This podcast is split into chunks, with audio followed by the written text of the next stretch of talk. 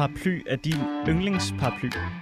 Ej, det må øh, være Mary Poppins paraply, hun flyver rundt med. Den er fantastisk.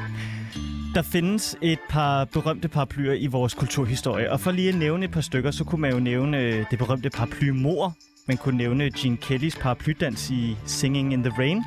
Der er Lamprellaen i Blade Runner. Så er der Penguins paraply fra Batman-universet, og så er der Mary Poppins, som flyver rundt i London med sin magiske paraply. Der er nok spændende paraplyer at dykke ned i derude. Men hvordan ser 1800-tallets England ud, når man læser det igennem paraplyens kulturhistorie? Det har min gæst i dag sat sig for at undersøge. Og hvis du tror, at der kun findes én slags paraply, altså den, der beskytter dig mod regnen, så tager du gruelig fejl. Der findes nemlig et hav af paraplyer, og det er de paraplyer, vi skal gennemgå i dagens program. Og hvis du bliver hængende, så kan du høre om, hvordan paraplyen både kan være komisk, nederdrægtig og sågar også symbolet på kommunisme. Du lytter til Frederiks værk her på 24 dit ugenlige nørdede kulturprogram, som dykker ned i alt det, der ikke er plads til nogen andre steder og som giver din radio den tyngde substans og fordybelse, som den fortjener. Mit navn det er Frederik Vestergaard, og det her er mit værk. Rigtig hjertelig velkommen til.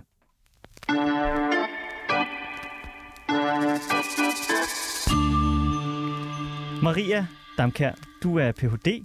og lektor på, i engelsk på Københavns Universitet. Velkommen til. Tak skal du have. Det regner i dag. Det gør det. Og det er jo meget passende for vores snak. Ja, det er perfekt. Du har øh, skrevet en øh, forskningsartikel med den titel, der hedder Awkward Appendages. Hvordan udtaler man det? Appendages, det Appendages, godt. Comic Umbrellas in the 19th Century Print Culture. Er du kommet herind på paraply i dag? Det er desværre ikke, fordi jeg cykler, og det er meget svært at cykle med en paraply. Altså, øh, jeg bliver simpelthen nødt til at spørge først og fremmest, fordi vi har meget, vi skal nå. Selvom man, man tænker, hvad kan man tale om paraplyer i en time? Det ja, kan man. Det men man. der er rigtig mange ting, vi, øh, vi skal igennem. Men, men først, så skal jeg ligesom høre, hvordan at du sådan rent forskningsmæssigt kom ind i, i paraplyverdenen. Altså, jeg har sådan en, en, en sådan titel til det her spørgsmål, der hedder, hvem, hvad, hvordan og hvorfor paraplyer? Jeg vil rigtig gerne høre, hvordan at du forskningsmæssigt blev interesseret i paraplyer. Ja, og men det startede faktisk helt tilbage på, øh, på øh, mine øh, studier på Københavns Universitet, Ja. hvor jeg blev introduceret i en forelæsning til, øh, til surrealisterne og deres brug af paraplyer. De var ret fascineret af paraplyen. Altså Picasso og Dali, eller... Ja, ja, lige præcis. Og det startede altså med en, en øh, hvad hedder det, øhm, en forfatter, der hedder Lautremont. Han skrev om sådan mødet mellem en øh, paraply og en symaskine på et dissek- dissektionsbord. Og det er sådan, hvad sker der med den der paraply? Hvorfor skal den dissekeres? Hvorfor skal den ødelægges? Og så blev jeg rigtig interesseret i, Nå, men der er Mary Poppins, der er alle mulige andre paraplyer. Hvorfor er paraplyen så sjov? Og så har jeg bare holdt fast i den, og efter jeg havde skrevet Ph.D. og fik, fik lidt tid at lege igen, så tænkte jeg, jeg vil, ha- jeg vil holde fast i det her spørgsmål. Hvorfor er paraplyen sjov? Hvorfor er den så mærkelig? Hvordan, øh, altså,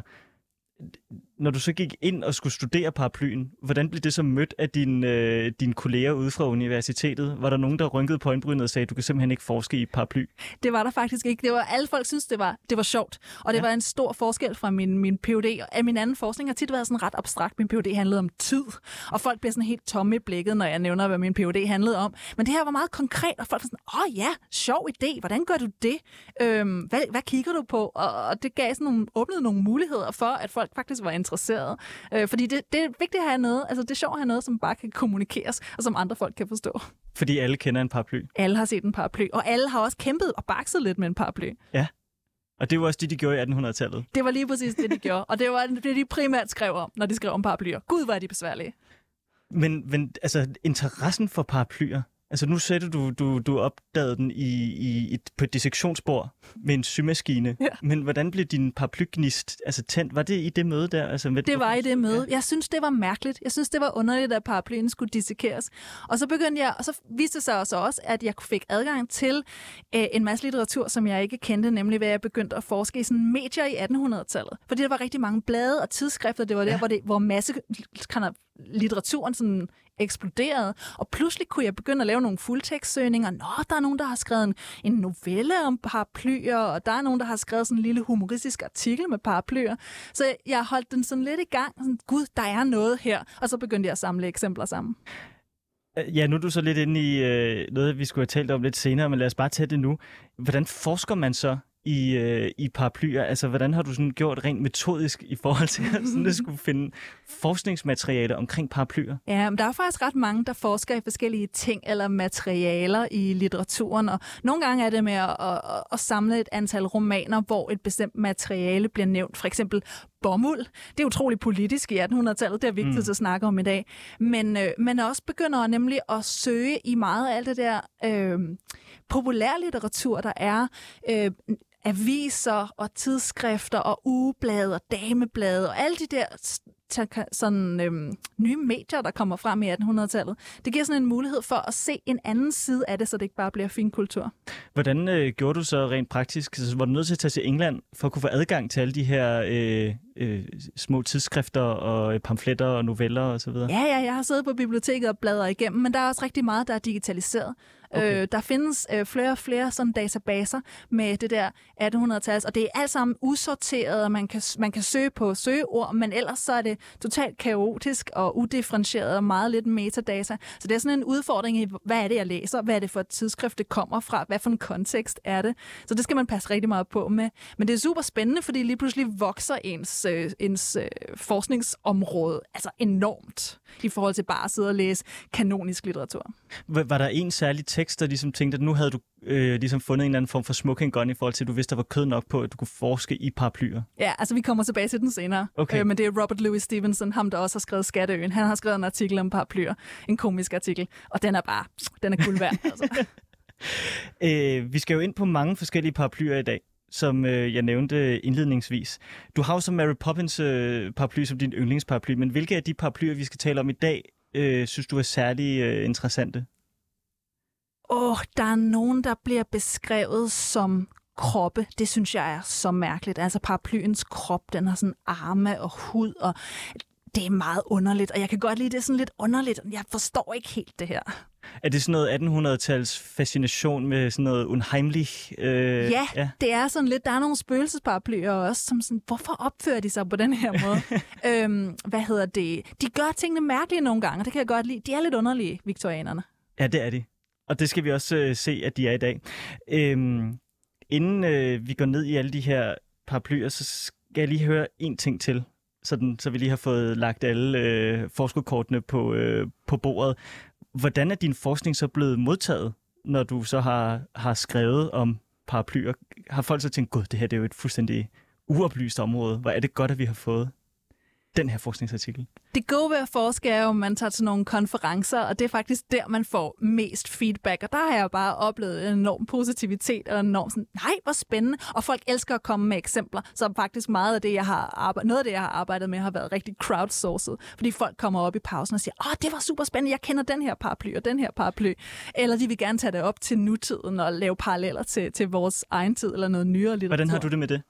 Jamen, øh, jeg synes, jeg er sjovt nok. Jeg har bare ikke gjort det endnu. Nej. Øh, fordi åh, man har en artikel, og man har kun så mange ord, man har, man, har, man har lov til at skrive. Så jeg har ikke plads til det hele. Nej. Men jeg tænker bare, det er meget nærliggende at lave sådan en anden form for øh, øh parallelanalyse til en smartphone, for eksempel, ikke? Ja, jeg har også lidt, jeg har også lidt tænkt på det. Altså, øh, hvad, hvad svarer det her objekt til i samtiden? Mm. Jeg ved ikke helt, hvad svaret er. Det kan godt være, det er smartphone, måske. Skal vi prøve at dykke ned i nogle paraplyer? Maria? Høretelefoner. Jeg tror, det svarer til de moderne høretelefoner. Ja, hvorfor? Fordi at de er sådan et, et statussymbol, som man går rundt med, men det er ikke engang sikkert på, altså ikke engang sikkert, at man lytter noget, lytter til noget, men de er fine, og man har brugt penge på dem, og de signalerer en eller anden form for kulturel kapital. Ja. Øh, sådan nogle headphones, som ja, ja. kæmpe store nogen, som folk går rundt med. Der har du din næste forskningsartikel. Ja, det bliver så godt. Jeg synes, vi skal øh, dykke ned i de her paraplyer, Maria som du har skrevet om, fordi vi har mange paraplyer, vi skal igennem. Jeg har valgt, at vi skal tale om dem i sådan tre øh, forskellige temaer.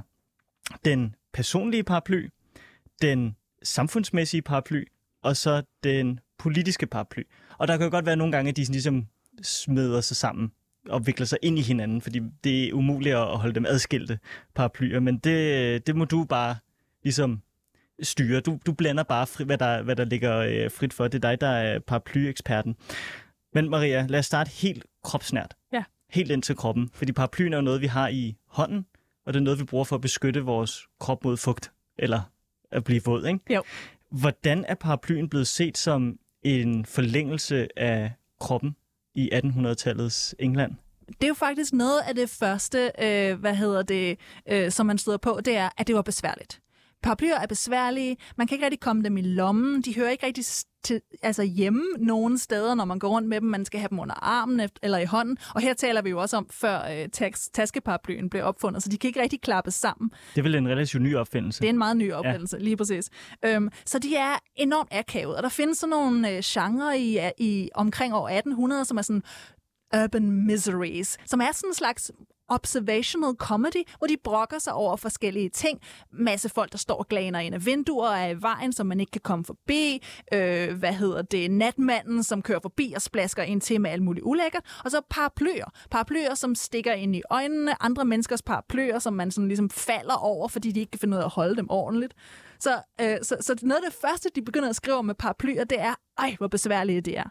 Det her urban misery, ja. og, og, og, og sådan en observationskomedie. Er det sådan ligesom, når Jerry Seinfeld siger, har du lagt mærke til, hvor små øh, flaskerne er på en flyvemaskine? Lige præcis, ja. lige præcis. Eller det er, og andre menneskers Christiania-cykler, hvor er de irriterende. Og det her urban misery, er det så fordi, at man i 1800-tallet, når man i takt med, at byerne vokser, og det moderne liv, som vi kender det i dag, det tager form, Altså havde folk svært ved at finde sig til rette i det? Ja, Eller, ja. jeg tror det er, at det, der, der var så mange nye ting, man skulle tage stilling til, for det er 100% sandt, er i omkring den her periode. Der er flere og flere mennesker, der begynder at deltage i, øh, i, i, i bylivet på en helt anden måde. Der sker nogle enorme befolkningsforskydelser på den her tid. Og, øh, og så samtidig bliver der også nemmere og nemmere at trykke ting. Så der bliver også et, et, et forum, hvor man kan diskutere de her ting. Og, og det bliver sådan ligesom attraktivt at læse om sin egen oplevelse. Åh, oh, det er også så irriterende. Øh, eller, øh, hvad hedder det, øh, paraplyer er også bare, bare træls, og derfor så får man bekræftet sin egen oplevelse af, at det er sgu besværligt at være et moderne menneske. Men, men altså, nu siger du, at paraplyen den er besværlig. Den stikker folk i øjnene. Man falder over den på gaden. Man har jo altid gået med stok. Ja. Så hvorfor, øh, hvorfor er paraplyen så mere irriterende og akavet end en stok? Jeg tror ikke, stokken har været så almindelig igen. Øh, det er ikke sådan som noget, som alle har brugt. Det bliver mere, jeg tror mere, stokken bliver brugt til folk, der har brug for noget at støtte sig på, eller til en aristokratiet, som har brug for at signalere, hvor, ja. hvor, hvor, hvor, hvor elegante de er. Men øh, paraplyen er jo faktisk noget af det, som begynder at, at middelklassen får råd til, og som de bruger meget aktivt, som jeg er sikker på, at vi kommer til at snakke om senere, fordi altså, den er meget bundet op i klasse. Så det, det, er, det er en teknologi, der bliver meget udbredt, hvis jeg må til, tillade mig at kalde paraplyen for en teknologi. Det er det jo. Ja. Det kræver en, en mekanisme. Altså det her med, at den kan åbnes, ja. og så gøres smal igen. De er meget komplicerede, ja. øhm, og, og, og det, det var sådan et teknisk vidunder. Øhm, og de var ret dyre også, øh, helt op igennem 1800-tallet. Så det er kun en vis type mennesker, der har, der har råd til dem, men de har også til gengæld brug for dem til at komme til det ene sted til det andet. Men så, øh, altså, når de så er så irriterende, og, og akavet. Hvordan, hvordan øh, afspejler det sig så i, i den litteratur, du har fundet? Hvad er det, folk brokker sig over? Jamen, de brokker, altså, dels brokker de sig over andre menneskers paraplyer. At de kan styre dem? Folk ikke kan holde, holde rigtig holde kontrol over dem. Og så brokker de sig over, at paraplyerne har en tendens til at vandre øh, væk af sig selv til at forsvinde. Øhm, de brokker sig også simpelthen over hele tiden, at Åh, har I lagt mærke til, at man aldrig nogensinde kan holde fast i sin paraply? Den altid forsvinder, og man glemmer den alle mulige steder, eller folk stjæler den. Øhm, så man har også en eller anden opfattelse af, at Åh, paraplyen, den er vigtig. Jeg skal bruge min paraply, men den er der aldrig, når jeg skal bruge den. Og så er der også, jeg ved ikke, om I har haft i, øh, du har haft det i din familie, men i min familie har vi altid sagt, at man skal huske sin paraply, for så regner det ikke. Ja. Hvis man har glemt sin paraply, så begynder det helt sikkert at regne. Ja. Øh, og det er den der fornemmelse af, at paraplyen, åh, der er et eller andet sådan Murphys law over over den. At det, det, det skal bare gå galt. Paraplyen er et eksempel på, at vi har en tendens til at fortolke mønstre, og, og tit sådan se, åh, det negative, det dårlige udfald, det begyndte at regne, når min paraply gik i stykker, som noget af det typiske, ikke? Og det er det, vi husker bedst. Men nu paraplyen, du siger det, du er, den, er, den er dyr øh, i starten af, i løb, op igennem hele 1800-tallet, men her i starten af 1800-tallet, da den ligesom sådan kommer frem i printkulturen, mm. øh, er det så primært øh, mænd, der går rundt med paraply? Det sjove er, at øh, faktisk i cirka 100 år efter paraplyens indførelse i Storbritannien, så er det kun kvinder, der går med dem. Og hvornår er vi her? Altså, den, de, de første paraplyer begynder at komme sådan omkring år 1700, mm. og så går der næsten 100 år, før det bliver helt accepteret for mænd okay. øh, at bruge paraplyer. I lang tid så bliver mænd gjort til grin, hvis de bruger par, en paraply, så er de kvindagtige, eller lidt for sårbare, eller eller andet. Og kan du ikke tåle at blive våd? Øh, og så sker der en kulturel revolution, og det bliver tit optalt, og, øh, omtalt på den måde. Og så begynder mænd at gå med paraplyer. Jeg ser det, det ligesom øh, i dag, jeg ved ikke, om du har lagt mærke til, at mænd må ikke have øh, cykelkur foran på cyklen. Ja, de skal have det læret. De skal have, altså, det skal ligesom være, det skal være en ladcykel. Ja Ja. Øh, fordi ellers så er der et eller andet, jeg forstår det ikke, men der er noget galt med bare at sætte en cykelkur foran, sådan som på en damecykel. Mm. Og jeg det, har et blad foran på min cykel. Lige præcis. Og det er sådan noget arbitrært øh, opdeling af verden. Men ja. altså, kvinder gik, gik med paraplyer, og på et eller andet tidspunkt var britiske mænd klar over, det dur ikke det her. Det er så praktisk teknologi, vi bliver nødt til at erhverve os den også. Og grund til, at jeg spurgte, om det var mænd, som, som gik med paraply, det er fordi, jeg tænker, at på det tidspunkt så er samfundet så patriarkalsk, at i og med, at det så bliver en vigtig ting for mænd at få fat i os, så er det, at de sætter i gang i en eller anden form for masseproduktion. Ja, det kan man godt sige, men, men, men det tager faktisk rigtig lang tid, før det bliver masseproduceret, okay. fordi altså, det er en ret, det er en ret sådan, sårbar mekanisme. Øhm, men paraplyen bliver helt klart, det, lige så snart mænd begynder at adoptere noget, så er det vigtigt. Ikke? Det er det, jeg mente, ja. Så der bliver skrevet mere om det, fordi det er vigtigt for mænd, og i, i perioden tidligere, okay, øh, så er det måske ikke så interessant at skrive om paraplyer. Så jeg tror også, det er derfor, vi ser en, lidt, lidt en eksplosion i, at paraplyer bliver omtalt. Øh, når nu kvinder går meget med paraply i starten af, af 1800-tallet, så er det jo...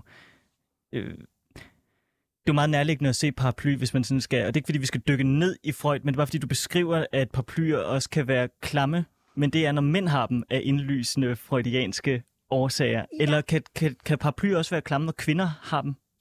Nej, slet ikke i samme grad. Der er sådan lidt, der er, hmm, Freud skriver jo selv om, at der er visse aflange objekter, som mm. i drømmetydning betyder nogle øh, bestemte ting. Og øh, hvad hedder det? Der er også det der med, at øh, hvordan skal man sige det, at paraplyen stikker lidt for langt ud nogle gange. Den, kommer, den er lidt for frisk, øh, og, og der er nogle paralleller der, som vi bare ikke kan undgå. Noget andet er, at øh, hvad hedder det, paraplyen øh, bliver sådan helt centralt for den mandlige selvforståelse. Øh, og det skal vi ikke gå for langt ind i det freudianske. Mm. Men altså det, vi kommer til den politiske paraply, det er så tydeligt, at maskulinitet bliver bundet ret meget op på paraplyen. En bestemt type maskulinitet. Den vender vi tilbage til. Men øh, det her med, at paraplyen kan være klam, kan du prøve at sætte nogle beskrivelser øh, øh, på det? Altså, du har jo indledningsvis i din artikel kommet med et lille øh, eksempel på, hvordan der er nogle kvinder, som får øh, ødelagt deres tøj ja. af en paraply på et museum. De er på, øh, de er på museum, og så, øh, hvad hedder det, lægger de mærke til en, en mand, som ser sådan en lille smule lurvet ud, og så går han meget tæt på dem, og, øh, og, og, og de mærker, at hans paraply sådan lige kommer ind og rører ved deres skørter og deres ben, og så bagefter finder de et eller andet ulækkert fluidum på deres skørter. Øh, og øh, min hjerne eksploderede bare sådan, hvad er det, han har? Altså, hvad er det? Hvad er det, der er sket? Er det en paraply, eller er det her en mærkelig måde at sådan lige maskere det på? Øhm, så det der med, at man kan invadere en andens privatsfære, det er jo faktisk, altså det er jo rigtig ubehagelig mm. oplevelse, de har haft. Og hvad er det, han har smurt på den der paraply? Øhm, så paraplyen kan også være sådan, ja, subversiv, og, det, og, og de beskriver nemlig meget, at han er, han er lurvet, han er ikke ja. helt fin nok, så hvad lavede han på det der fine museum der? Øhm, så ja, og det er sådan en sjov, og det, og det er ikke fiktion, det er noget, der er sket i virkeligheden, det er et brev, nogen har skrevet. Det er et læserbrev. Det er et læserbrev, lige ja. præcis. Og man sidder bare og tænker, hvad er det, der er sket her? og man finder aldrig ud af det. Det er også det, der er. Det er helt uden kontekst. Vi finder aldrig ud af, hvad der rent faktisk skete. Men, men, men paraplyen bliver beskrevet som at være en, øh, en, en invasiv art i privatsfæren. Ja, en lille smule. Men det er det samme, når man falder over den. Og sådan. Altså, ja. andres paraplyer er bare besværlige. Kan den også være øh, øh, romantisk? Øh, helt sikkert, helt sikkert. Der bliver, der, jeg har fundet et par historier, hvor en mand har en paraply, det begynder at regne, så finder han en køn pige, og så spørger han, om hun ikke lige skal ind under hans paraply. Det er sådan den originale meet cute. Øh, at, øh, hvad gør man i, i et øh, urbane rum, hvor folk ikke kender hinanden? Hvordan skal man møde piger? måske det her rum under paraplyen kan give nogle romantiske muligheder, men det er også sådan lidt, det er sådan lidt også lidt invasivt. Også sådan en lille, lille smule, øh, er du sikker på, at du skal ind under den her mands paraply? Øhm, så der er nogle romantiske historier, hvor ideen er, det er sådan, de mødtes.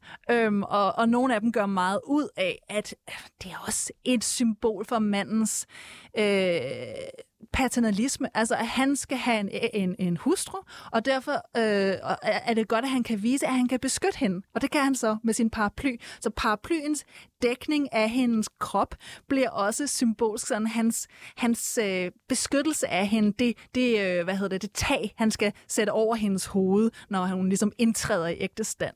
I, i ægtestanden. så det er ekstremt paternalistisk. Manden, som beskytter kvinden som den, sådan, den øh, skrøbelige. Har du læst øh, nogle kilder, som decideret advarer mod paraplyer? Altså advarer kvinder mod paraplyer?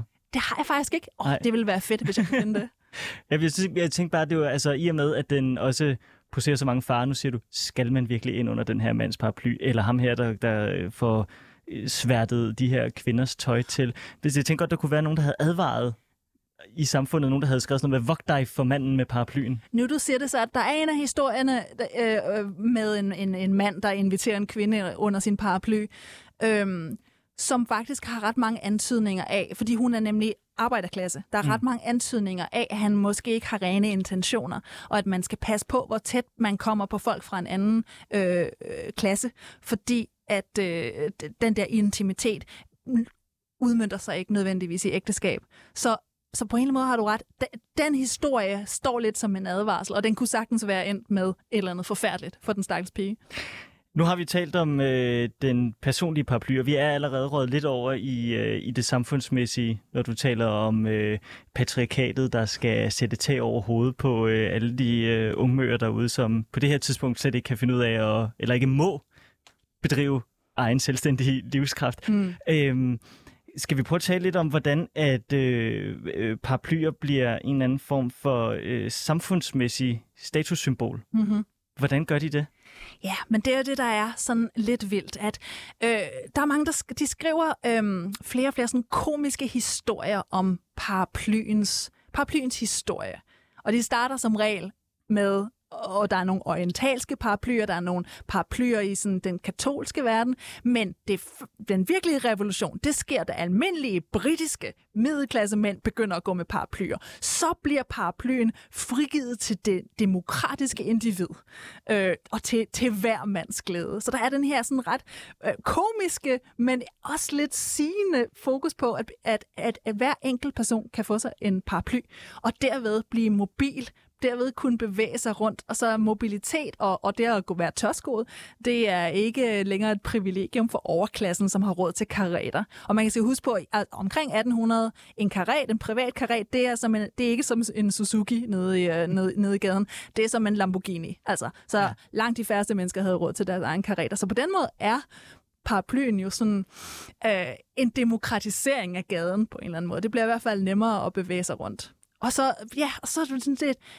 er der altså nogen, der begynder at skrive om paraplyen som det her meget øh, stærke symbol på det her moderne middelklasse individ. Og så er det det, der sker hen over perioden, at paraplyen begynder at blive uundværlig for øh, middelklassemanden. Jeg ved ikke, om du har set de der sketches med, øh, hvad hedder det, Monty Python? Jo. Øh, og der går de tit den der meget korrekte, som de laver sjov med, den der meget korrekte øh, funktionær, som har bowlerhat og paraply, og det, det er altid bowlerhat og paraply. Det låner de helt tilbage fra, fra 1800-tallet og omkring år 1900 også, hvor øh, en mand kunne simpelthen ikke, hvis han ville være i middelklassen og respektabel, som det hed dengang, så skulle han have en paraply. Det var simpelthen uundværligt for ham. Han kunne simpelthen ikke øh, undvære den. Han kunne simpelthen ikke undvære den, og det kommer der nogle interessante situationer ud af.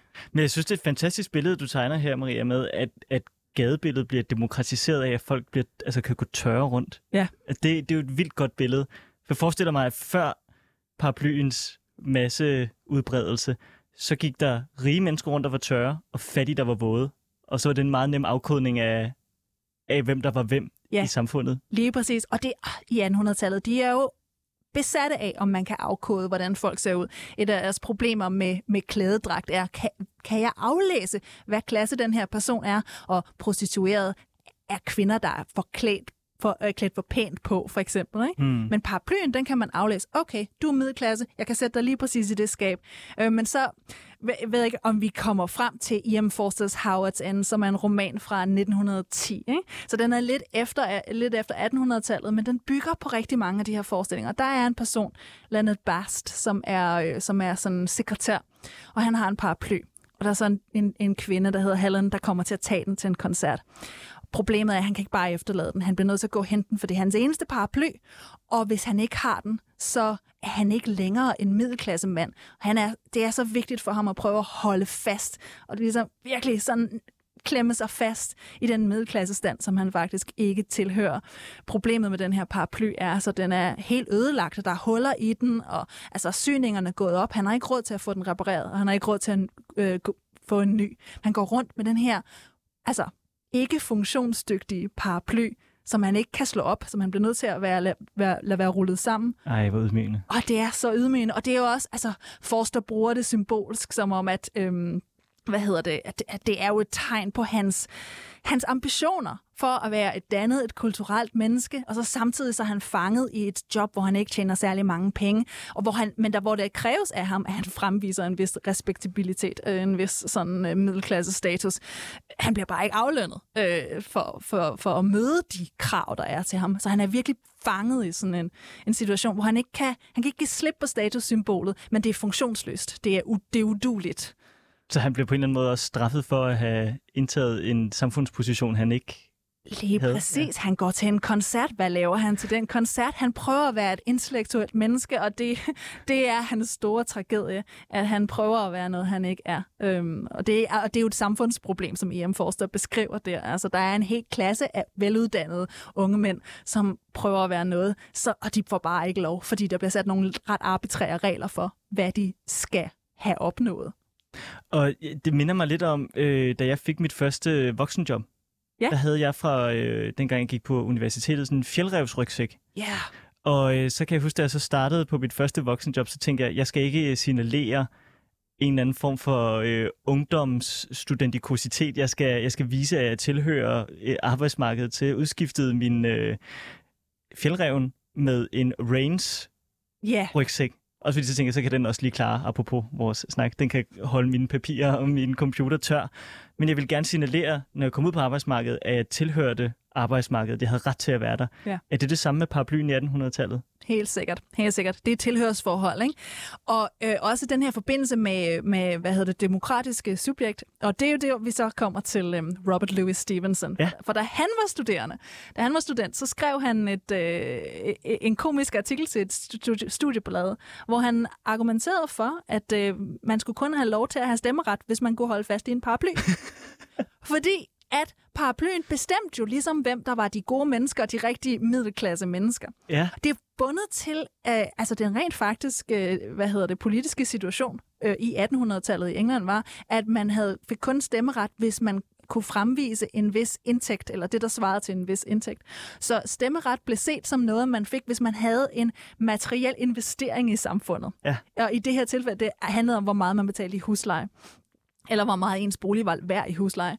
Så øh, paraplyen er bare en anden form for sådan property qualification, som allerede var, var, var kutume dengang. Og Robert Louis Stevenson har så den her meget morsomme artikel om, at paraplyer ligesom, de bestemmer, hvem der er de rigtige mennesker, og faktisk de rigtig gode mennesker, de værdige mennesker. Lidt ligesom Thors hammer i Marvel-universet. øh, if you be worthy, så kan du få lov til at holde fast ja. i de her paraplyer. Men de stikker af fra folk, der på en eller anden måde ikke rigtig tilhører middelklassen, eller er, er, er gode nok til at have have øh, stemmeretten. Det er svært i stenen. Det er totalt svært i stenen. og så bare hver eneste mand hele tiden skal spørge sig selv, oh, er, jeg, er jeg nu en, der kan holde fast i en paraply, eller er jeg en, der ikke rigtig har styr på mine ting?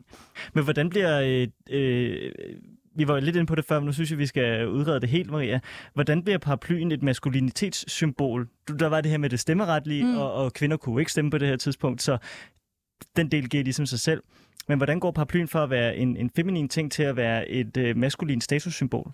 Jeg tror måske, det er en eller anden form for overkompensation, fordi det har været, altså, det har været, en, det har været en kvindelig øh, ejendel i, i så lang tid. Mænd brugte dem ikke. Mm. Så begynder de at bruge dem, fordi det er, simpelthen, det er simpelthen for praktisk.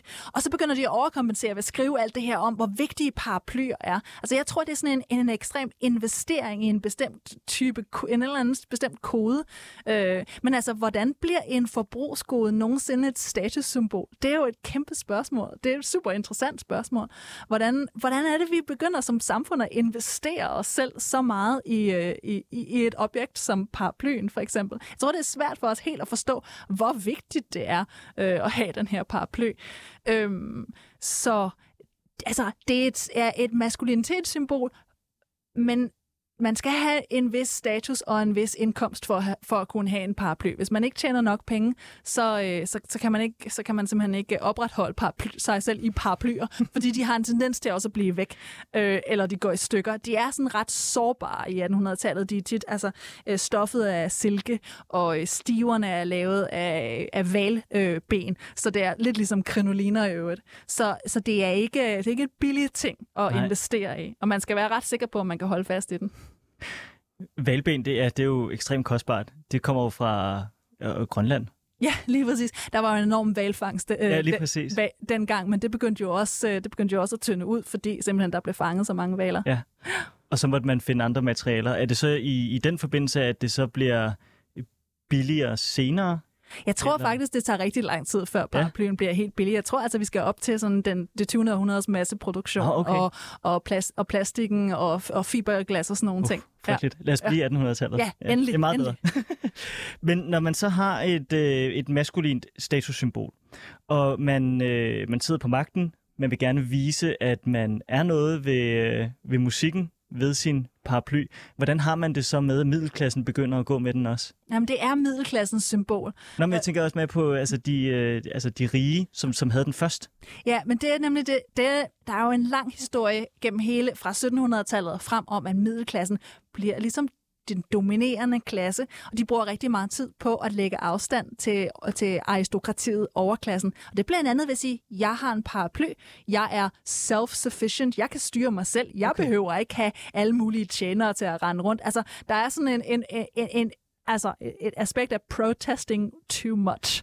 Altså ja. virkelig lægge sig i, at øh, middelklassens, øh, hvad hedder det, kvaliteter kan opsummeres, blandt andet i paraplyen ved, at jeg kan klare mig selv, jeg går, hvor jeg vil, der er ikke nogen, der, der øh, hvad hedder det, behøver at hjælpe mig, fordi jeg kan tage mig af det hele, jeg kan bære det alt sammen på mine skuldre, og hvis det begynder at regne, så tager jeg bare min paraply frem. Så aristokratiet begynder langsomt at efterligne øh, de samme den ting. Den vej rundt. Ja, det er faktisk ja. den vej rundt, ja.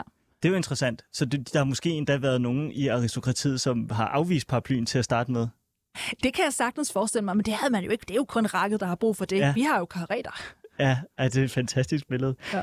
Øhm, hvordan bliver paraplyen så også, du beskriver det som at være en, den har en dobbeltsidig anatomi. Den er din ven, men den er også samtidig din værste fjende. Ja, præcis. Det er det her som jeg tror er noget, der har noget med, med humorens, øh, humorens natur at gøre, ja. er, at øh, de kunne jo godt se, at der var investeret så meget i paraplyen. Altså, de kunne jo godt se, at det var totalt overlæsset øh, symbol på maskulinitet. Og så samtidig så er der den her erkendelse af, at paraplyer har det bare med at forsvinde. De er upraktiske, og de har det med at gå i stykker. Så den har den her, øhm, den her dobbelthed, hvor paraplyen er din bedste ven, ja, men så flipper den lige, og så vender den ud af, og så er den fuldstændig håbløs. Det har vi alle sammen oplevet, når man får vinden den gale vej i en paraply. Især på billige taskeparaplyer. Ja, helt sikkert. Men det skete også i 1800-tallet. Jeg tror ikke, de var lige så smidige og lige så fleksible i 1800-tallet. Øhm, så, så det skete jo rigtig tit, eller silken gik i stykker, eller noget af den stil.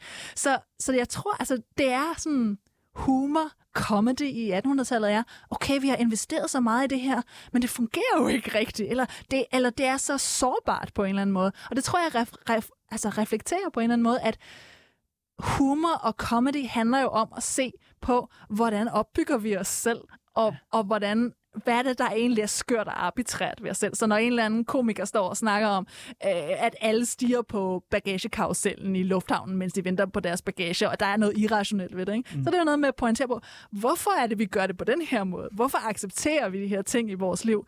Og jeg tror, de gør det på samme i 1800-tallet. Det er sådan med, det er det, der mener med dobbelttydigheden, at okay, det her, det er så vigtigt, og samtidig er det helt uden for vores kontrol. hvordan øh, tog man det så i, øh, i 1800-tallet på print? Hvordan, hvordan kan man læse, at folk synes, der er noget komisk i, at, at andre opnår ulykke ved at have et statussymbol, som, som bogstaveligt talt vender sig mod dem? Jamen, det, det bliver sådan et, et, et, et, et, en oplevelse af, at åh, det går bare altid galt. Eller det, øh, så nogle gange, så, øh, hvad hedder det, så, er der historier om, åh, oh, jeg, jeg mister simpelthen bare paraplyer hele tiden. Så nogle gange så vender de den om, og så bliver folk øh, hjemsøgt af spøgelsesparaplyer, der vil ikke vil lade, lade dem være i fred, simpelthen.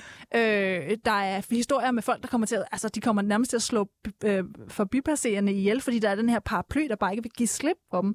Så det er også det der med, at humoren vender tingene på hovedet. Pludselig bliver paraplyen sådan en, der klistrer til dig, som, som slet ikke vil væk. Det er det lidt uhyggelige, sådan lidt uncanny ved, ah, hvad er det, de gør, de her paraplyer? Bevæger de sig rundt, mens vi ikke kigger på dem? Ja. Så det er sådan lidt, lidt, lidt, lidt uhyggeligt på en eller anden måde. øhm, er det særligt øh, britisk, det her med at grine af sig selv på den her måde? Er det sådan der, hvor den der særlige britiske hvad skal man kalde det, en eller anden form for, jeg ved det jo ikke sort humor, men den her øh, selvironi, øh, altså øh, opstår den i det her altså, tidsspektrum, øh, vi taler om? Helt sikkert, helt sikkert. Jeg tror, det er sådan den der, den der vilje til at, at, at kigge kritisk på sig selv, men også samtidig være lidt selvtilfreds. Øh, det, det er jo også det, humor er på en eller anden måde. Men vi kan også sige, at i 1800-tallet, der er London jo, altså øh, langt op af 1800-tallet er London verdens største by, og det er også mm. et trykkecentrum, og Storbritannien er jo en kolonimagt øh, helt op helt op i det 20. århundrede. Så det trykkecentrum, altså hele den der massemedie, som vokser frem, er meget centraliseret. Så Londons trykkekultur og alle de teknologiske landvindinger, der sker, og genre, som for eksempel humoristiske øh, hvad hedder det, tekster, det spreder sig ud over en rigtig stor del af verden. Ikke? I rigtig lang tid, for eksempel i USA, brokker de sig jo over, at de ikke kan trykke deres egen ting. Det tager simpelthen for lang tid, og det er for dyrt, og at London er ligesom monopol på det hele. Så vi kan se, altså en eller anden idé om, hvad humor er, vokser også ud fra Storbritannien som et centrum. Så er der selvfølgelig masser af, af andre centre for, for trykkekultur, blandt andet her i Danmark og, øh, og i Indien og alle mulige andre steder. Øhm, men der sker en eller anden form for, for, for udvikling øh, i Storbritannien, som først senere spreder sig til andre dele af verden. Nu har du nævnt nogle øh, store forfatternavne, men når, når, når trykkekulturen bliver så udbredt, og den bliver så stor, så må det vel også være udtryk for en eller anden form for demokratisering med, at der er nogle stemmer, som vi ikke har hørt fra før, som også begynder at, øh, at skrive. Hvem er det, der, der vælger at tage paraplyen op som, som emne i de her pamfletter og noveller, øh, som bliver trygt til masserne? På ja, det her tidspunkt? det er et godt spørgsmål, fordi meget af det, der blev trygt i 1800-tallet, er faktisk, øh, er faktisk anonymt, og det var en politik. Øhm, så det kan være alle mulige forskellige mennesker. Der er også øh, rigtig mange kvinder, der skriver til tidsskrifterne, for eksempel. Øhm, men øh, hvad hedder det? Øhm, jeg tror, ikke, jeg tror ikke, at der er ret mange fra arbejderklassen, der har mulighed for det her. Man kan ja. godt sende ting ind anonymt, men jeg tror, der er en form for hurdle. Jeg tror, der er nogle kulturelle koder, som redaktørerne kigger efter. Sådan, ah, den her slags historie vil vi vist ikke have, have ind. Men hvis du kan skrive i middelklassens sprog, så kan du sådan set få, få, få udgivet noget. Det er ikke sikkert, du tjener penge på det, og det er ikke sikkert, det ah, er særlig godt, men det, øh, der er muligheder der. Har du øh, fundet anonyme kvinder, som du, eller undskyld, anonyme kilder, som du øh, mistænker for at være kvinder? Ja, helt sikkert. Ja, og hvordan kan du afkode det? Øh, nogle gange bliver det, er det jo umuligt, men man bliver nødt til simpelthen bare at holde sådan lidt en åben, øh, altså et åbent sind omkring det. Nogle gange bliver man nødt til at sige, jeg ved det simpelthen ikke, men der er tre initialer her, og øh, jeg kan simpelthen ikke, øh, jeg kan simpelthen ikke sige, at det nødvendigvis er en mand eller en kvinde. Øh, så andre gange, jeg, jeg, kender, jeg kender en, som har forsket i, i, i et tidsskrift, hvor den redaktøren, som var en kvinde, så skrev med alle mulige forskellige initialer så afhængig af hvilken øh, genre hun skrev i, så skrev hun, og så lød det lidt mere maskulint, eller så lød det lidt mere feminint, øh, afhængig af hvad det hun var i gang med at skrive, men hun skrev faktisk hoved, hoved, øh, hoveddelen af tidsskriftet selv, og så fik hun det bare til at lyde, som om hun var en hel masse forskellige mennesker. Genialt. Ja.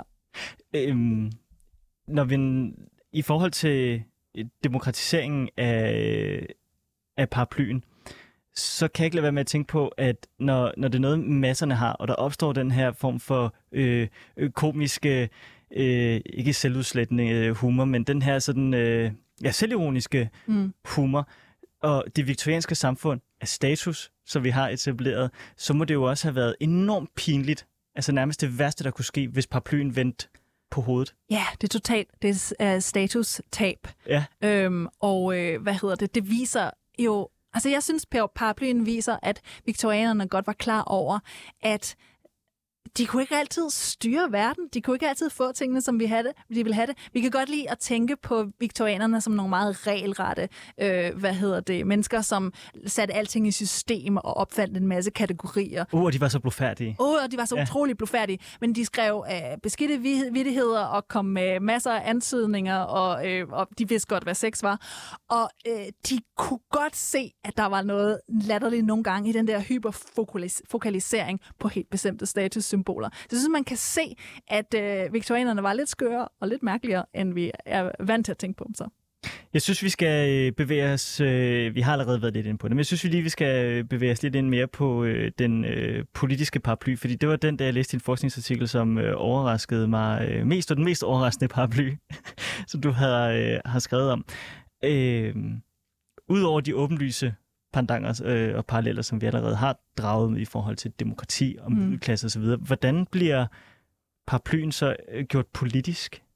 Ja, altså et af eksemplerne er, at øh, man ligesom beskriver den som øh, offentlig ejendom eller delt ejendom. Og der er en artikel, som, øh, hvad hedder det, som, som skriver, at der er et skær af kommunisme over paraplyholderen i gangen. At det, folk ser ikke rigtig paraplyer som individuel ejendom, som, som uh, personal property, men som noget, som man bare har lov til at stjæle. Men det forstår jeg ikke, hvis den er så dyr. Jamen, nej, lige præcis. Det er sådan en underlig dobbelthed, at man har, på en eller anden måde er der en kulturel antagelse af, at paraplyer, dem låner man bare. Og det beskriver de i den her ja. artikel af, at det er, næsten ikke, det er næsten ikke din skyld, hvis du tager en paraply, som ikke er din. Fordi det er bare sådan, det, det er paraplyen selv, der ved det. Og, og det er selvfølgelig en joke, men det, altså, det er lidt ligesom en komiker i dag, der skriver om, uh, altså snakker om uh, downloading, uh, ulovlig downloading af film og ja. tv-serier eller sådan noget. Sådan, der bliver opbygget en eller anden kultur om, nå, men vi kan jo ikke holde styr på de der paraplyer, så lad os bare alle sammen dele dem. Uh, hvilket jo er enormt skævt, fordi som, som, som forfatteren også skriver, skriver, så er det jo tit, man ender tit med at få en lidt pænere paraply med, end den, man havde øh, man, havde, man kom med. Ja. Sådan lidt nyere og flottere paraply. Så der er den her idé om, at paraplyen repræsenterer på en eller anden måde øh, demokratiet, som øh, også demokratiets far, som hver mand for sig selv. Alle ja. tager bare... Altså, der, der er, en, er flere, der bruger paraplyen som en form for, for symbol på, at alle er sig selv nærmest, at individet tager overhånd, og at det faktisk bliver anarkisk. Øh, hvis en masse mennesker øh, hvad hedder der, står med paraplyer, så øh, drøser der altså regn fra folks paraplyer ned på andre menneskers skuldre og ned af, ned af nakken på dem og sådan noget. Fordi at alle er sig selv nærmest, og vi giver køb på vores fællesskabsfølelse i demokratiet sådan vanvid. Så, så det bliver også sådan lidt øhm, noget, de bliver bekymrede om, eller bruger som et symbol på, at demokratiet kan også være farligt, det kan være anarkisk, det kan være, det kan være selvisk. Er, er, er der noget ved det? Ja, det ved jeg ikke rigtigt. Nå, nej, jeg mener bare, i forhold til den gang, altså var det en reel bekymring, eller tror du igen bare, at det er satire?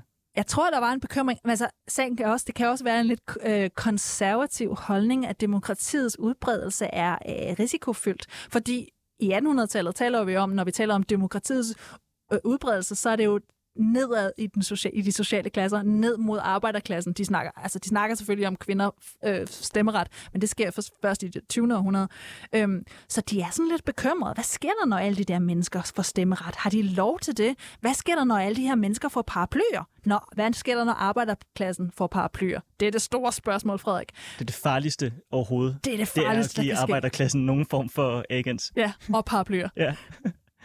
Men så, så der var en reel frygt for, at arbejderklassen den ville kunne øh, omstyrte hele øh, øh, den, den, den store, rige, industrialiserende overklasse, og det blev symbolet på det, det var paraplyen. Det var et af symbolerne i hvert fald. Ja, helt sikkert. Der var, der var en enorm bekymring for, hvad demokratiet var for noget. Men så skulle suffragetterne vel heller ikke have paraplyer, eller hvad? Ja, men det havde de, og de brugte dem sikkert også som våben. Det er jeg sikker på, at de gjorde. Stak politifolk med dem, eller et eller andet. Og suffragetterne, de, når de kæmpede for kvinders stemmeret, så, så gik de til makronerne. Ja, det, der var hende, der kastede ud foran en hest. Ja, ja, og desværre Meget, døde. Ja, præcis, for ligesom ja. at, at ofre sig selv. For, de smadrede øh, vinduer og alt muligt. Ja, de var virkelig aktive. Der findes en øh, middelmåde, desværre, middelmåde film, der hedder Suffragette med øh, Mel Streep. Nå, ja, ja den har jeg godt set. Ja. ja. Det er ikke noget at skrive hjem om. Nej, men det er meget godt. Den er flot lavet i ja. hvert fald. Så kan man ligesom få et indblik i, hvordan at, øh, at man tænkte dengang i 1800-tallet. Men det sjove med, med kvinder og paraplyer i 1800-tallet er, at der er overhovedet ikke nogen snak om, at det, at kvinder bruger paraplyer, skulle have noget at sige om deres kvindelighed eller om mænds maskulinitet. Altså det er ligesom om, altså det er et af de mest sådan, unisex-objekter i 1800-tallet. Jeg har heller ikke fundet nogen eksempler på, at øhm, øh, historier om, at en mand er kommet til at tage en kvindes paraply ved et uheld, og så, og så bliver han altså, pinligt berørt, fordi den ser for kvindelig ud. Altså, det var, de, det var simpelthen unisex. Man var slet ikke bekymret for at komme til at tage en paraply, der så lidt for, for, for feminin ud, simpelthen. Det er sjovt, fordi jeg synes, når man ser malerier fra den gang, så synes jeg, at kvinders paraplyer ser meget mere feminine ud. Altså ja, også i, jeg tror, det er, i, i slutningen af 1700-tallet, de sådan har broderet små blomster. Og, ja, og jeg tror, det meget... er idealiseret. Jeg tror, det er en for, okay. der er en forestilling om, at kvinder gerne vil have sådan en, en pæn paraply, og nogle gange er det jo også en parasol, som ikke behøvede at være så modstandsdygtige, så de kunne tillade sig at være sådan lidt, øh, lidt flimsy, sådan en, en lille smule øh, skrøbelige. Men øh, jeg tror, øh, for paraplyer var det sådan, okay, det skal være silke og olie, olieret silke, sådan, så vandet praller af, øh, og det er nemmest, hvis det er, bla- hvis det er sort. Så, øh, så ja, der var faktisk, altså, der var faktisk ikke rigtig sådan øh, mandeparaplyer og kvindeparaplyer. Ikke som i dag, hvor Amazon sælger øh, tusser specielt til kvinder og tusser specielt til mænd. Øhm. Det er faktisk ret fascinerende. Ja. I en tid, som ellers var så fixeret på hvad der var feminin og hvad der var maskulin. Lige præcis, lige præcis. Men der er ikke nogen, der spørger sig selv om, om hvis kvinder går med paraplyer, skulle de så ikke have stemmeret? Det spørgsmål er jeg ikke stødt på i hvert fald. har du, Maria, når du har siddet og øh, forsket i alt det her, har du så fået et andet syn på, øh, på 1800-tallets øh, kultur igennem paraplyen? Ja, helt sikkert. Eller kulturhistorie, ja. Helt sikkert. Altså, for det første har jeg jo øh, fået åbnet mine øjne for en litteratur, som vi normalt ikke læser. Øhm, da jeg begyndte at søge efter paraplyer, kunne jeg pludselig se, at jeg var nødt til at forstå nogle tidsskrifter, nogle, noget trykkekultur, som jeg ikke var vant til. Og vi har Hvad en, var det? Jamen, det var alle de der blade, som folk skriver, alt det der, så, og der blev publiceret så meget, og det er ikke engang det er alt sammen, der er digitaliseret. Så der er et kæmpe, kæmpe arkiv af altså 100.000 vis af mennesker i hele verden, som skrev og skrev og skrev og skrev og fik trykt det i 1800-tallet, og så næste uge var det glemt væk, øh, forsvundet, øh, eller blev brugt øh, til toiletpapir eller et eller andet. Ikke? Og vi har en tendens til at definere vores øh, især kultur fra tidligere tider ud fra finkulturen, eller ud fra mm. det, vi nu har etableret som finkulturen. Så øh, man kan diskutere, hvornår romanen som genre egentlig blev finkultur. Det, det er et stort åbent spørgsmål. Men når vi tænker på, hvordan vi definerer kultur, øh, så tænker vi tit på, åh, oh, der var den her, der var de her operaer, eller der var de her, der var de her romaner, eller der var de her digte. Ikke? Men hvad med det almindelige folk læste? Hvad, øh, hvad, hvad var det, folk støtte på, når de lige fandt et eller andet blad og betalte en enkelt, et enkelt penny eller to for det, og bladrede igennem. Og meget af det er jo rigtig dårligt, og, og rigtig dårligt skrevet, og øh, usubtilt og usofistikeret. Men øh, det vil jeg også slå et slag for. Altså, dårlig litteratur fra fortiden er enormt spændende. Fordi det er fra fortiden, fordi det er et indblik i en, i en tid, som vi aldrig kommer til at opleve Ja. Altså få et indblik i, hvordan man tænkte dengang. Men også, altså, at vores kultur er også i dag meget bredere, end, øh, end kulturforskere har en tendens til at forestille sig. Altså, vi har en kæmpestor kultur af en masse øh, ting, øh, tekster, som øh, bliver publiceret eller skrevet, eller hvad vi gør i dag, øh, eller sendt ud på internettet, øh, som som er udifferentieret, og altså, ingen har bestemt nødvendigvis, hvad der er autoritativt, og hvad der ikke er, og hvordan folk bygger deres eget mediebillede op i dag, det er jo helt op til dem selv. Og så samtidig kan vi godt have en tendens til at, at, at, at blive sådan lidt kloge og, og øh, åh, det her meget, meget elitære værk, eller det her, den her virkelig, øh, hvad hedder det, øh, spændende, komplekse værk, og det er også spændende. Men jeg synes også, vi skal tænke på det som øh, som danner kulturen, hvor, hvor tingene bliver flyttet rundt, og memes, øh, altså ja, på en eller anden måde er paraplyen i 1800-tallet også en slags meme, kan man sige. øhm, hvad hedder det? Øh, især når de begynder at lave billeder af folk, der bliver trukket hen af fortorvet af deres paraplyer. Øh, det, det bliver et meme på en eller anden måde. Øh, ikke helt på samme måde, øh, som det er i dag, vil jeg sige. Men altså også bare... Øh, det kan godt være, det er dårligt, men det siger jo noget om vores kultur. Og det dårlige, der bliver produceret i dag, siger også noget om vores kultur. Mm. Og det skal vi også kigge på. Og så må vi gerne grine af det. Det er også det andet, jeg har lært. Man skal også kunne grine af 1800-tallet. Ja. Hvorfor skal man det? Ah, vi skal have det lidt sjovt, ikke? Det behøver ikke være så alvorligt hele tiden. Men jeg synes, der faktisk er en, en vigtig forskningsmæssig pointe i, at det skal være sjovt. Ja. Altså, det har lov til at være sjovt. Vi behøver ikke tage det så alvorligt hele tiden. Men ser 1800-tallet så, når du så kigger på det på den her måde, og igennem paraplyen, ser 1800-tallet så anderledes ud, end hvis man skulle læse, øh, det ved jeg ikke, den, øh, en eller anden stor encyklopædi omkring 1800-tallet? Ser, ser 1800-tallet så anderledes ud, når du kigger på det igennem de her, hvis jeg må kalde dem smusblade? Ja, ja helt sikkert. Og igennem paraplyen? Helt sikkert. Ja. Øh, det er jo ikke fordi, at vi nødvendigvis kan læse, sådan, hvordan almindelige mennesker læste de ting. Men vi kan i hvert fald se, hvordan redaktører og forfattere forestillede sig, at folk konsumeret, forbrugte øh, masse øh, litteratur og, og, og masse medier. Øhm, jeg synes, vi lærer rigtig meget om, hvad der kører rundt i samtiden, også nogle gange, hvad folk er enige om. Øh, vi er enige om, at paraplyer åbenbart er enormt vigtig. Ikke? Det er sådan noget, okay, det er en joke. Vi har etableret et niveau her, og så kan vi lege med det, så kan vi øh, opfinde ud fra det. Så jeg kan godt lide den måde, tingene cirkulerer rundt i kulturen på, og de låner fra hinanden og, og alle de der ting. Jeg synes, man kan, man kan lære noget af, at en kultur er meget bredere end det, som, som ligesom bliver øh, lukket inde på bibliotekerne eller fra udstillet i museerne. At der, vi har en mulighed for at gøre vores kulturstudier meget bredere, end de har været. Jeg kan ikke lade være med at tænke på nu, øh, det er lige en strøgtanke, som, som ikke har noget med, med det her at gøre, så dog. Øh, det her med, at, øh, at Dostoyevsky han synes, at England på det her tidspunkt var så frygteligt et sted. Det kunne han ikke lide. Jeg kom til at tænke, har, man, har han nogensinde beskrevet englændernes fascination af paraplyer? Det ved jeg ikke, men det ville da være fantastisk. Ja, det var bare, jeg kom bare lige til at tænke på, hvis jeg nu havde været rasende over det også. Det kan, jamen, han var meget at være rasende over, øh, men, øh, men, men det, kan jeg sagtens, det kan jeg sagtens forestille mig. Fordi det er også, øh, der er en konformitet, ikke? Altså. Jo, ja. Men øh, paraplyen, den er komisk, den er nederdrægtig, den er også romantisk, det er et statussymbol. Og alligevel så er det lidt trist, at den i 2022 på en eller anden måde virker til at være skrevet lidt ud af vores øh, populærkultur.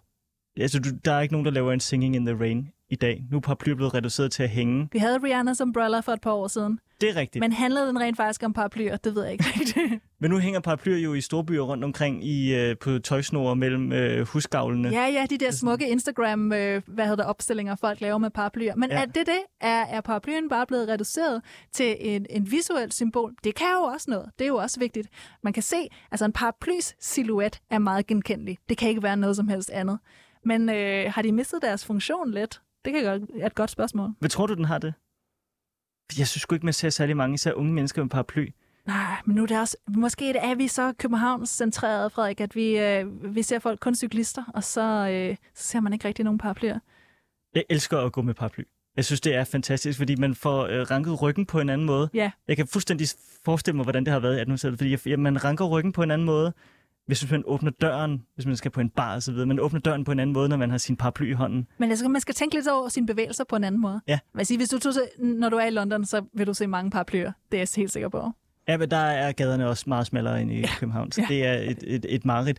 Men i dag har vi jo også problemet, ligesom dengang med, at for eksempel, hvis du skal på museum, ikke, så er der et Øh, biblioteket har jo for eksempel en kæmpe paraplystander, ja. man bare kan kyle sin øh, paraply ned i. Ja. Og jeg har prøvet at komme hjem med en bedre paraply end min den jeg forlod. Ah, du lever op til, til alle forudsigelserne. Har du øh, altså en, en smertegrænse for, hvor meget du vil give for en paraply? Sådan økonomisk, fordi en paraply i dag kan jo være sindssygt dyr og virkelig lækker. Ja, men jeg vil også sige, hvis, hvis du kommer til London, øh, i, på gaden, der hedder High Holborn, der ligger en viktoriansk paraply øh, forretning. Altså, den er ikke viktoriansk længere, men den har ligget der siden 1800-tallet. Og de har nogle fantastiske paraplyer. Og ja, jeg har en smertegrænse. Øh, jeg har ikke lyst til at sige, hvor meget den er. Men, øh, kan du så fortælle, hvor meget du har brugt på paraplyer inde i den butik? Øh, jeg har brugt lige præcis øh, 20 pund på et paraplyer inde i den butik. Fordi Nå, jeg det var ikke så slemt. Jeg cyklede også i London. ja. Nej, men jeg har, drømme, jeg har drømme om paraplyer, men jeg har, ikke, jeg har ikke ført dem ud i livet endnu. En dag. En dag, en dag. Maria Damkær, du er øh, Ph.D. og lektor engelsk på Københavns Universitet. Tusind, tusind tak, fordi du ville komme ind og slå paraplyen op i Frederiksværk i dag. Tak, det har været så sjovt.